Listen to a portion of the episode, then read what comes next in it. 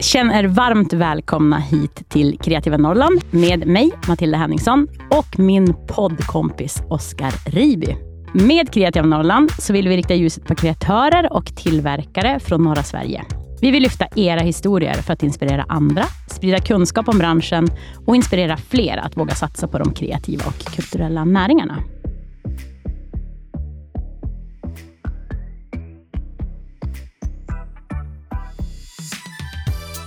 Idag så sitter vi tillsammans med modeentreprenören som drivs av jämlikhet och ett inkluderande samhälle. Välkommen hit Karin Björk. Tack så mycket. Du är utbildad i Borås. Du har studerat på Tillskärarakademin och i samband med att du fyllde jämnt så valde du att starta företag, Design by Björk. Ni skapar kläder designade för rullstolsburna, stilrena och moderna plagg som passar till både vardag och fest. Ja. Härligt. För er som inte har träffat Karin tidigare eller känner till henne så tänker vi att vi börjar det här avsnittet i vanlig ordning med en liten kort faktaruta. Är du redo? Jag är redo. Fullständigt namn? Karin Ellen Björk. Ålder? 56. Hur skulle din bästa vän beskriva dig? Glad, positiv och lite eh, virrig och tidsoptimist. Det kan också vara just det här att inte kanske vara så rädd, utan våga faktiskt. Att jag behöver inte ha kanske stenkoll på allting, för då skulle jag inte våga göra någonting. Det känns som en ganska bra egenskap som entreprenör. Ja, jag tror faktiskt det. Eh, men jag tror andra skulle kunna säga att jag är kontrollerad också, så det är en väldig mix däremellan. Var är hemma? Hemma är med familjen. Och om det då är hemma i lägenheten i stan, eller hemma i stugan, eller hemma på en annan plats. Men hemma är där jag känner mig trygg och med familjen. Härligt. Vad är kreativitet för dig? Det är, en ganska, det är ganska svårt, men, men det är att eh, jag var påhittig, inte rädd, våga testa, kanske utmana sig, ja, men, försöka titta med andra ögon och skapa. Hur föddes din kreativa ådra? Jag, tror, jag har nog alltid haft den med mig, alltså ända sedan jag var liten. Eh, att göra och greja och, alltså med händerna och så vidare. Så att det är nog, alltså, ja, jag har, har haft det med mig. Eh, min pappa målade lite grann, mamma sydde väldigt mycket. Så just det där att, att göra någonting har varit no någonting som har varit glädjefullt och roligt. Men var det självklart att du skulle utbilda dig inom modeindustrin? Ja, men det var nog det. Eller ja, ja både och. Eh, jag gick ekonomiskt på gymnasiet, men, men efter det så, så kände jag ändå att jag ville, jag ville utbilda mig inom textil och hade ju tänkt att jag skulle arbeta med det redan i, i min yrkesstart. Men så blev det inte då? Ja, både och. En, en, en period ja, så jobbade jag inom, eh, inom textilindustrin i Borås eh, som tillskärare. Men eh, sen kärlek, familj, eh, sådana saker som gör att man gör lite andra val. Och sen kom barnen, som sagt. Och då blev allting an, lite eh, andra prioriteringar. Om det är någon som lyssnar på det här, inklusive mig, ja. som inte vet vad man exakt gör när man jobbar som tillskärare, Aha. vad gör man då? Det finns olika typer av tillskärare, men som jag jobbade så var det med måttbeställda kostymer. Så att vi fick ju in en, eh, en, en personer som hade varit och måttat sig och så fick vi göra justeringar på mönsterna eh, som vi sen skar till. Så man har liksom ett standard, en, en, en standardritning eh, och sen så justerar man utifrån om Ja, men- någon har ett lite längre högerben eller Ja, men precis. Lite högre axlar, lite lägre axlar, kanske axlar smalare i midjan eller lite vidare. Så att det finns en grund, men sen så gjorde man vissa justeringar utifrån det. Vilka var kunderna då? Jag vet att jag klippte till en, en kostym till Ulf Brumberg. Oh, men det var ändå sådär lite specialplagg. Ja, Liksom. det var det. Mm. Jag tänkte att är, du berättade att så kom familjen och då hände det saker. Jag tänker att det kanske är relevant att berätta om det som hände, för det är ju en del av där vi är nu. Ja, det är ju faktiskt, det var ju egentligen där det började. För mitt första barn är född med en funktionsnedsättning som heter ryggmärgsbråck, vilket innebär att för honom eh, så är han helt och hållet rullstolsburen. Och det är ju genom hans uppväxt som jag har förstått utmaningarna just med kläder, just när man är rullstolsburen. Ja, men alltså det blir så uppenbart när du säger det så här. Hur, hur, hur har man gjort? Alltså genom åren Ja. menar du? Ja, alltså som vi har gjort så har ju jag sytt och ändrat på de kläder som han har haft Ja, för det. att det ska funka. Eh, I annat fall är det så får man ju handla på marknaden och eh, försöka anpassa eller ja, men hitta kläder som är lite mjuka eller så. Sen finns det ju några företag, men då är mer inriktning mot kanske mot äldre personer.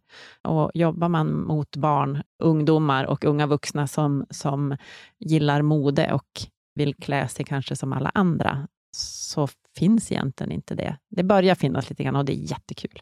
Jag tänker bara utifrån den, att du har gjort förändringar i plaggen historiskt Mm. sett. Och så, vad, för mig som inte har den erfarenheten som du har, vad är det för någonting som skiljer från en person som, som bär traditionella byxor, för det är ert fokus, Mm. Design by Björk, jämfört med någon som är rullstolsburen? Ja, men om man tänker så här, de kläderna som vi har på oss generellt, de är ju designade för att sitta snyggt när vi står. När vi sätter oss ner så glider ju ofta byxorna ner bak till och det kan klämma ganska mycket på magen och det blir ganska högt. Bara där, alltså när man pratar om det, så, är det ju, så förstår ju folk att jaha, just det, så är det ju faktiskt.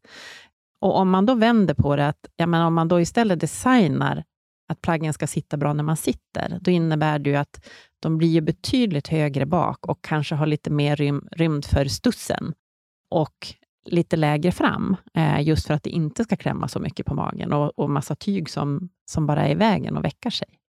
Så det är väl kanske grunden just det med formen, att det är det som skiljer åt. Just det. Och sen tänker jag fickorna. Ja, ta upp en liten peng från din framficka när du sitter i bilen. Det funkar inte så bra. Nej. Eh, så därför har vi också just att vi har satt fickorna på helt andra ställen. Att placera antingen på låren eller under knäna, just för att kunna lätt komma åt och kunna ha sin mobil eller plånbok eh, mer lättillgängligt. Sen är det ju också just det där att, att, egentligen, att plaggen är så släta som möjligt när man sitter, för att inte få skavsår till exempel. För stora företag så kanske man tycker att det här är så liten marknad, men för ett litet företag så är det ju faktiskt en ganska stor marknad. Det är många personer som är rullstolsburna och är, om man inte bara tittar i Sverige, i Norden, i hela Europa.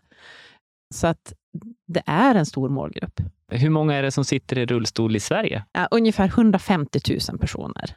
Och sen tänker jag lite grann så här att vilka är det som är min målgrupp? Det är klart att alla som sitter i rullstol är kanske inte helt rullstolsburna heller, utan många kan hitta kläder som funkar bra på vanliga, i vanliga butiker. Och lite grann det med åldern också. Men, men som sagt, om vi säger att det finns 150 000 i Sverige, så kanske 65 000 som skulle kunna vara min målgrupp. Och om man då tittar utifrån det kriteriet också, både i Norden och i hela Europa, så är det ju drygt två miljoner människor som är i det åldersspannet som är rullstolsburna. För det är byxor du har fokuserat på. Det är byxor som Mm. jag har fokuserat på. Jajamän. Ja, och Mm. i jeans också. Ja, för det var lite grann det som jag tänkte, att vad är det, vad, vad är det för plagg som, om man tittar på folk i allmänhet, vad har man på sig? Och, och jeans är ju ett plagg som är både könlöst egentligen och ålderslöst. Mm. För det är ju allt från små barn till, till eh, eh, mycket gamla personer som Mm. har jeans. Och män och kvinnor, det spelar ingen roll. Så utifrån det så tänkte jag att nej, och det är ett bra plagg, eller bra material, att det är lite kraftigt och att det ändå kan ändå vara mjukt och så vidare, beroende på vad man väljer. Så att det var utifrån det som jag tänkte att nå 17 ska det väl kunna finnas byxor och jeans, även om man sitter i rullstol. Finns det tankar på att utöka kollektionen? Ja, såklart. Och vill du berätta om liksom vad, vad, kanske både så här, vad är nästa steg, men också så här, vart, är, vart är drömmen där framme? Ja, men precis. Vad nästa steg är, det dels, ja, nu som sagt är det, är det alltså mycket denim, eh, kanske och också lite svarta, har lite, även lite andra material.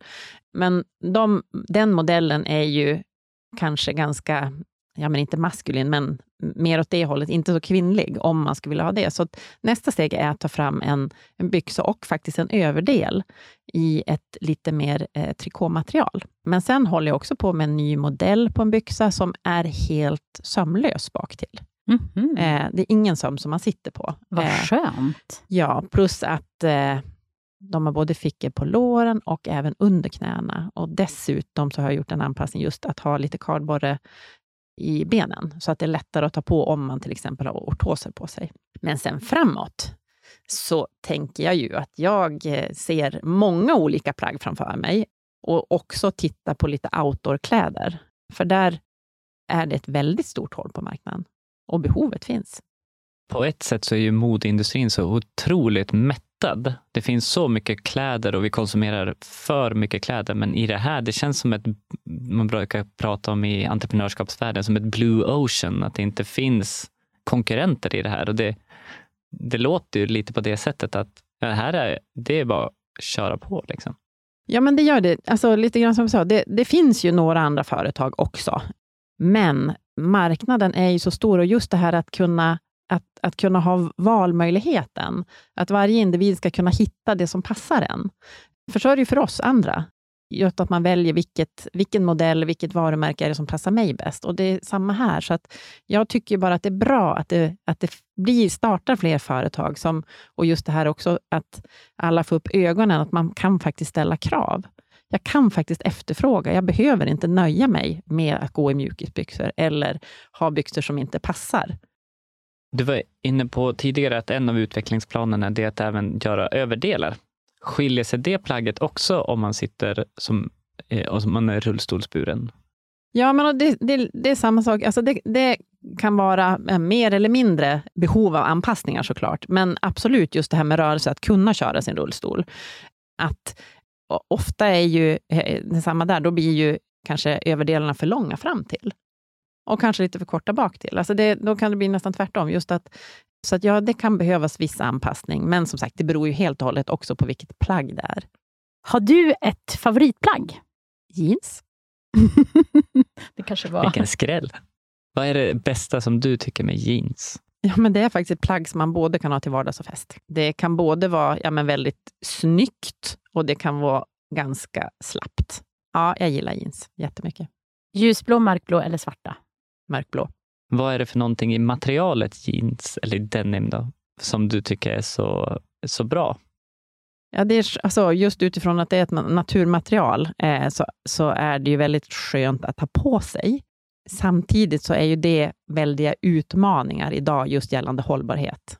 Så att där kommer, jag tror alla som är inom branschen att behöva tänka till många gånger för att kunna använda, dels att kunna använda material flera gånger, men också hitta andra typer och kanske kombinationer och eh, ja, men recycling och så vidare. Så att vi är snäll mot naturen och miljön. För finns det ett, ett, en, en hållbar demin? Ja, det finns ju, det finns ju ja, men, utifrån alltså att ekologiskt märkta, alltså Fairtrade och så vidare, alltså det finns ju många olika jag ska säga, märkningar utifrån att det är framställt så, jag säga, så lite, eh, med så lite miljöpåverkan som möjligt, men det, det är klart att det tar mycket på, på resurser, så är det.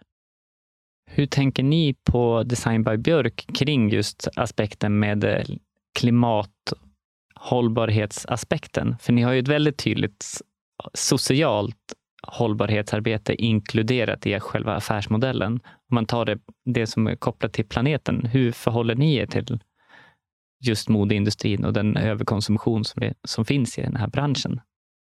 Det vi har valt, det är att vi, de tyger vi köper, de vill vi ska ha någon typ av eh, miljömärkning eller certifiering. Men vi köper också i stort sett enbart leftover fabrics. Sånt som, de, som redan är producerat, som de stora varumärkena annars skulle slänga. Och Det har varit en, en jättebra möjlighet, både att kunna arbeta med bra kvalitet, sånt som, ja, men som jag säger, att de, de har någon typ av miljömärkning och ändå håller, ja, men, håller hög kvalitet för kunden. Drömmen och visionen är ju att kunna producera utifrån beställning. Så att, så att när kunden gör sin beställning så produceras plaggen, men ändå att ledtiden är så pass kort, så att kunden inte behöver vänta så länge. Och Det här tror jag generellt är jättestora utmaningar. På er webbsida så skriver ni om adaptivt mode. Vad betyder det för er? Det betyder att våra kläder är anpassade utifrån behovet. Utifrån ja, men en, en person eller en, en kropp som sitter och att det ändå ska vara mode samtidigt som att funktionen finns där. Finns det andra nischer inom adaptivt mode utöver de som sitter? Som ni ser att här finns det också en målgrupp? Ja, men alltså absolut. Om man tittar till exempel kanske på kortväxta, det är samma sak där. Om man tänker också det som redan finns i handeln, om man har lite större storlekar. Det är också anpassat utifrån det behov som finns. Så det, det, är klart att det finns, eh, det finns många fler aspekter. Ja. Det finns stor utvecklingspotential. Ja. Men jag tänker att vi i grund och botten alla skulle vilja ha ett adaptivt mål. Alltså det är lite mm. så här, tänk om saker var liksom uppsydda efter min kropp mm. eller efter liksom hur jag ville att det såg ut. Det är mm. ju drömmen. Ja, tänk dig. Ja. Hitta de här äh, byxorna eller eh, som överdelen som bara smock, sitter som ja, smäck. Exakt. För det gör det ju inte ofta det gör det. Du var inne på tidigare, Karin, att det är 150 000 i Sverige som är rullstolsburna. Hur har er respons på marknaden sett ut hittills? För det är ett förhållandevis nytt varumärke. Va, vad är det för feedback ni får när ni pratar eller när ni visar upp era produkter? Det är väldigt positiv feedback. Och Många av de kunderna som hittar till oss, de är ju återkommande kunder. För det är klart att hittar man en modell som funkar och passar, eh, så kanske man vill ha flera plagg av eh, lite olika varianter. Så att det, det, är väldigt positivt. Men sen är det ju så att nej, men, eh, den modellen som jag har nu, det är klart att den inte passar alla människor som sitter i rullstol heller. Så att, så att eh, det finns mycket mer att göra där för mig också. Är det en kundgrupp som är lätt eller svår att nå? Jag tycker den är väldigt svår att nå. Dels är det ju ja, men, annonseringen som man gör på sociala medier, det är ju ganska lätt på så sätt. Men, eh, och jag har ju en väldigt tydlig målgrupp, men den är ganska svår att hitta igen. Och Sen så brottas jag som person också med just det här vilken roll jag är i olika sammanhang. Är jag en medlem i en förening och en förälder, ja, men då måste jag ha ett förhållningssätt och på något sätt kunna ja, men, vad, är jag står, vad, vad är jag säger och så vidare. Eller är jag som representant för företaget? Så det tycker jag personligen är lite utmaningar. Att gå in och börja sälja, är man i fel situation, det kan ju bli ganska tokigt. Samtidigt som att berätta om saker som är bra, det är ju egentligen inget fel och, och sprida informationen. Sen är det ju upp till var och en att, att välja vad, vad man vill göra utav det. Men det här, som sagt, det är någonting som jag personligen brottas med. Är det här det första bolaget som du har startat? Nej. Nej, berätta. Jag och en kompis hade ett, eh, en inredningsbutik. Här i Umeå? Här i Umeå, på Rådhusesplanaden. Som hette? Tema Bohag. Så när du nu skulle göra det här med Design by Björk, kändes det som att så här, nu vet jag vad jag gör, kasta mig in, kör? Det kan jag inte säga. Nej, men det, det, är verkligen inte. Utan, utan, och Det är också det här att när man är själv, eller när man har någon att bolla med, det är ganska stor skillnad också. Men just det här att det, det var verkligen att det var en utmaning. Och, eh, jag började med att starta en enskild firma, för det kändes ju, väldigt, det kändes ju lite enklare med allt vad det innebär. Men det är en resa. Vad är ditt bästa tips för de som står inför starten att starta ett eget företag? Jag har tagit hjälp. För Det handlar lite grann om att jag kan mönsterkonstruktion, men det är att, att rita på papper. Idag så jobbar man ju inte riktigt så, eh, utan man jobbar med digitala lösningar. Och Då har jag hittat samarbete med, med ett företag här i Umeå som, som, som gör de delarna. Eh, jag har också haft samarbete med företag i Göteborg för att utveckla produkter ännu mer. Och det är väl egentligen så man måste göra, att man, man får göra det man kan göra och sen är det nog väldigt smart att ta hjälp av dem som kan. Dels för att det blir rätt och det går mycket fortare, även om man måste betala för tjänsten såklart. Om du skulle ge ett tips till dig själv 2016, när det liksom var, vad, vad, vad är det för tips du skulle ge till dig själv?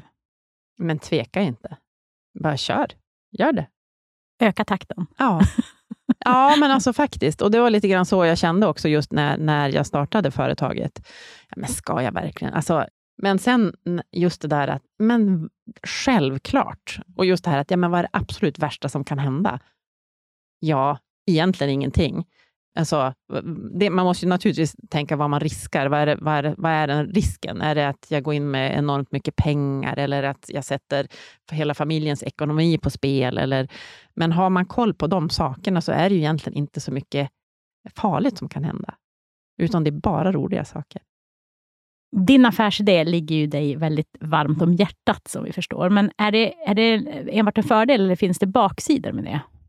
Det finns ju baksidor med det också.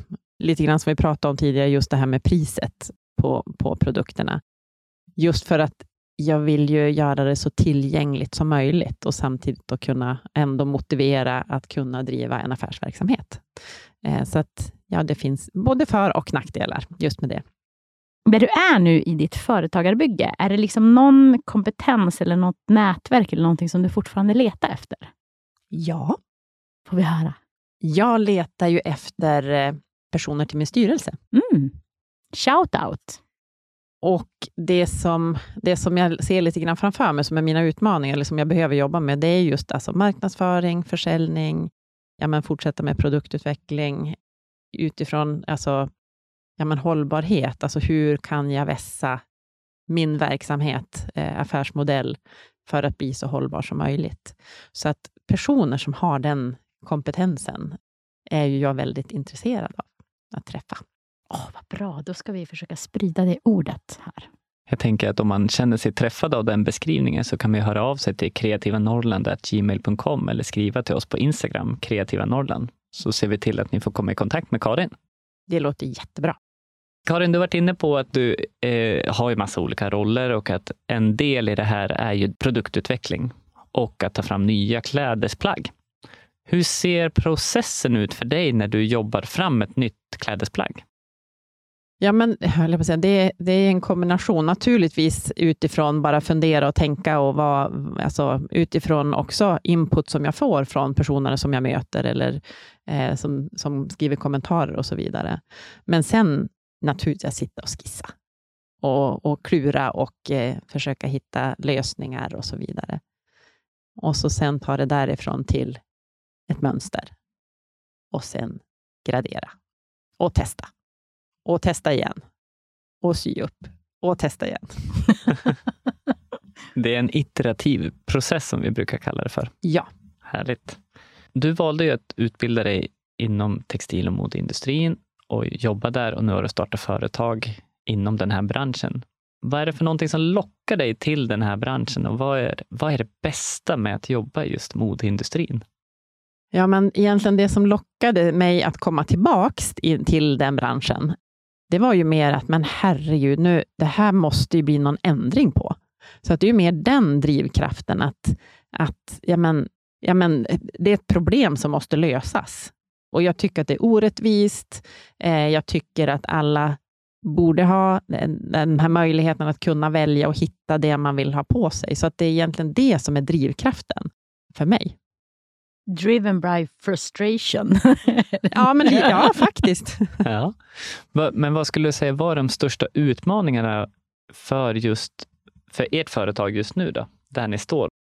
Ja, men det är att nå ut på marknaden. Det är absolut den största utmaningen, att hitta till mina kunder. Och, och, och, inte kanske bara i Sverige, utan eh, inom EU. För, för som sagt, att marknaden är stor och att behovet finns.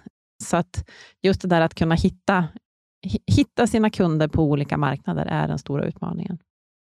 Var är Design by Björk om fem år?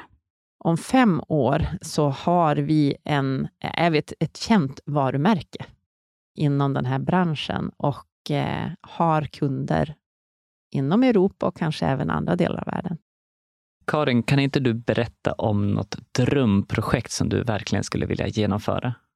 Det skulle ju vara att få designa kläderna till eh, den svenska Paralympics-truppen. Det skulle vara så himla coolt.